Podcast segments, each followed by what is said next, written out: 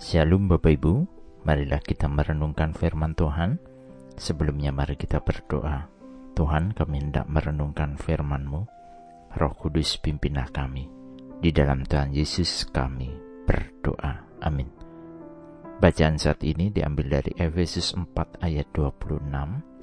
Efesus 4 ayat 26. Apabila kamu menjadi marah, janganlah kamu berbuat dosa janganlah matahari terbenam sebelum padam amarahmu.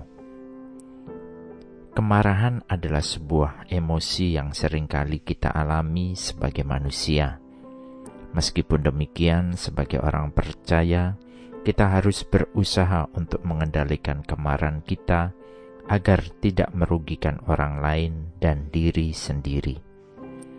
Dalam Alkitab, kita diajarkan untuk mengendalikan kemarahan kita dan untuk tidak bertindak dengan cara yang merugikan orang lain. Dalam Efesus 4 ayat 26 hingga 27 ini, kita diajarkan untuk marahlah, tetapi jangan berbuat dosa. Artinya, kita diperbolehkan untuk merasakan kemarahan, tetapi kita tidak boleh membiarkannya menguasai diri kita dan membuat kita berbuat dosa. Selain itu, di dalam Yakobus 1 ayat 19 hingga 20 tertulis demikian. Hai saudara-saudara yang kukasihi, ingatlah hal ini. Setiap orang hendaklah cepat untuk mendengar, tetapi lambat untuk berkata-kata dan juga lambat untuk marah. Sebab amarah manusia tidak mengerjakan kebenaran di hadapan Allah. Pada bagian ini kita diajarkan untuk mendengar dengan sabar, berbicara dengan lembut, dan menunda kemarahan kita. Hal ini menunjukkan bahwa kita harus berusaha untuk mengendalikan kemarahan kita dan tidak langsung bereaksi secara emosional.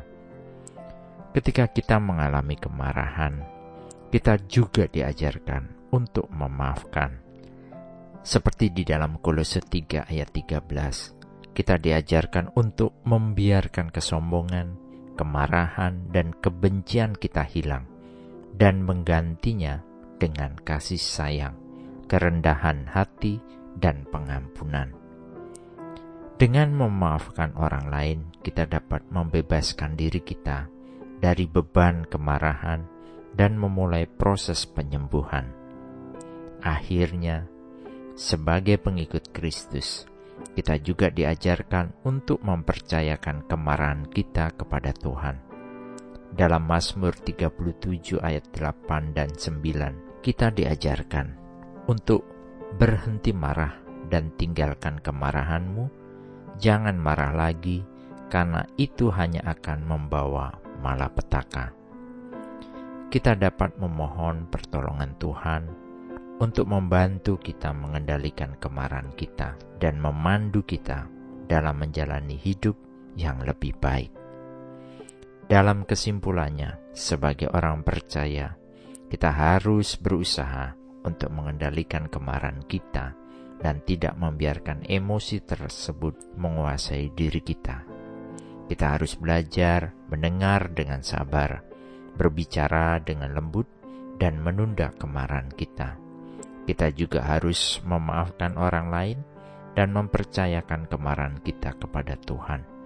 Dengan cara tersebut, kita dapat hidup dalam damai sejahtera dan memperlihatkan kasih Kristus kepada orang lain. Amin. Mari kita berdoa. Bapa Surgawi, Bapa yang menguasai kehidupan kami, kami bersyukur ketika saat ini kami kembali diingatkan akan kemarahan. Kemarahan bisa membawa kami dalam dosa dan perilaku yang tidak berkenan di hadapan Tuhan. Oleh karenanya, tolong kami untuk dapat menguasai diri kami, supaya kami tidak jatuh dalam dosa kemarahan yang mendukakan Tuhan. Pimpin kami senantiasa. Di dalam Tuhan Yesus, kami berdoa dan memohon. Amin. Tuhan Yesus memberkati. Shalom.